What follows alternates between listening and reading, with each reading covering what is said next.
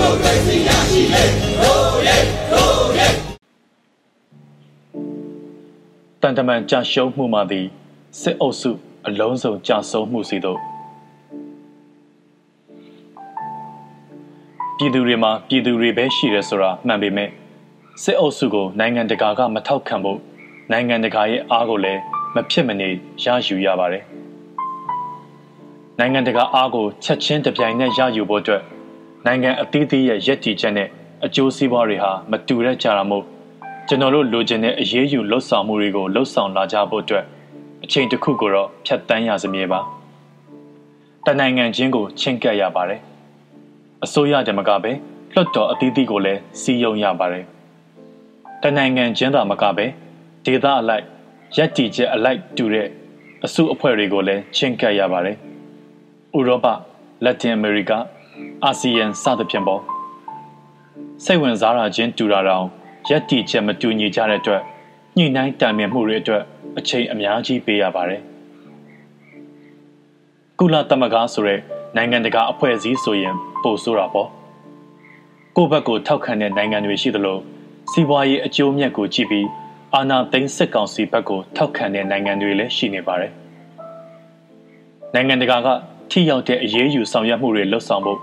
ကိုယ့်ဘက်ကစ조사တိုင်းကိုရည်ရွယ်တဲ့အတိုင်းမဖြစ်အောင်ဖြတ်လို့ဖြတ်စည်းလုပ်တဲ့နိုင်ငံတွေကလည်းရှိစမြဲပါ။မြန်မာနိုင်ငံနဲ့ပတ်သက်လို့ချက်ချင်းလက်ငင်းကြီးအရေးယူဆောင်ရွက်မှုတွေမဖြစ်ပေါ်သေးတဲ့အပေါ်ပြည်သူတွေအားမလို့အားမရဖြစ်နေကြတာအမှန်ပါ။ကိုယ်တိုင်လည်းအားမရပါဘူး။အာနာသိန်းစစ်ကောင်စီတရက်အသက်ရှည်လေးလေးပြည်သူတွေအသက်တိုးလေးလေးဖြစ်နေတာပါ ပို့စ조사လှုပ်ဆောင်ဖို့အထူးလိုအပ်တဲ့အကြောင်းကောင်းကောင်းသဘောပေါက်နားလည်ပါတယ်အတက်နိုင်ဆုံးစ조사နေလျက်ပါတစ်ဖက်မှာလည်းအာနာသိန်းစစ်ကောင်စီအနေနဲ့နိုင်ငံတကာမျက်နှာစာမှာအမြဲတမ်းမျက်နှာပန်းမလှဖြစ်နေပါပြီပြစ်တင်ရှုတ်ချမှုတွေကနေအတိအမှတ်မပြုတ်မှုလမ်းကြောင်းကိုနိုင်ငံတစ်ခုချင်းသာမကနိုင်ငံတကာညီလာခံတွေမှာစတင်လာတာဟာကောင်းမွန်တဲ့လမ်းကြောင်းရဲ့အစပါပဲ